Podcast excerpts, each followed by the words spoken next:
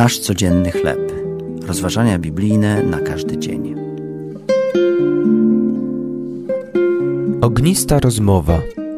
Tekst autorstwa Laurensa Darmani na podstawie listu Jakuba, trzeci rozdział od drugiego do dziesiątego wiersza.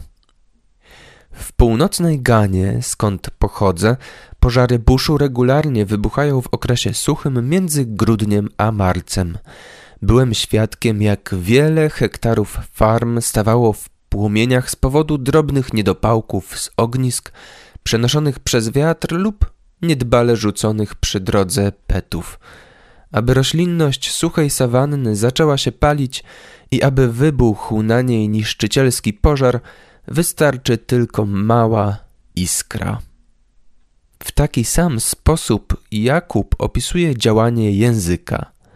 Nazywa go światem nieprawości, który kala ciało i rozpala bieg życia, sam będąc rozpalony przez piekło.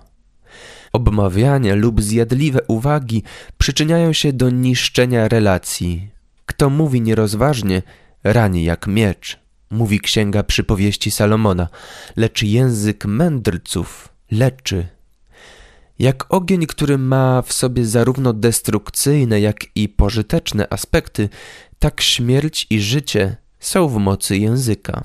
Aby rozmowa była odbiciem Bożej obecności w naszym sercu i sprawiała Panu przyjemność, powinna być zawsze uprzejma.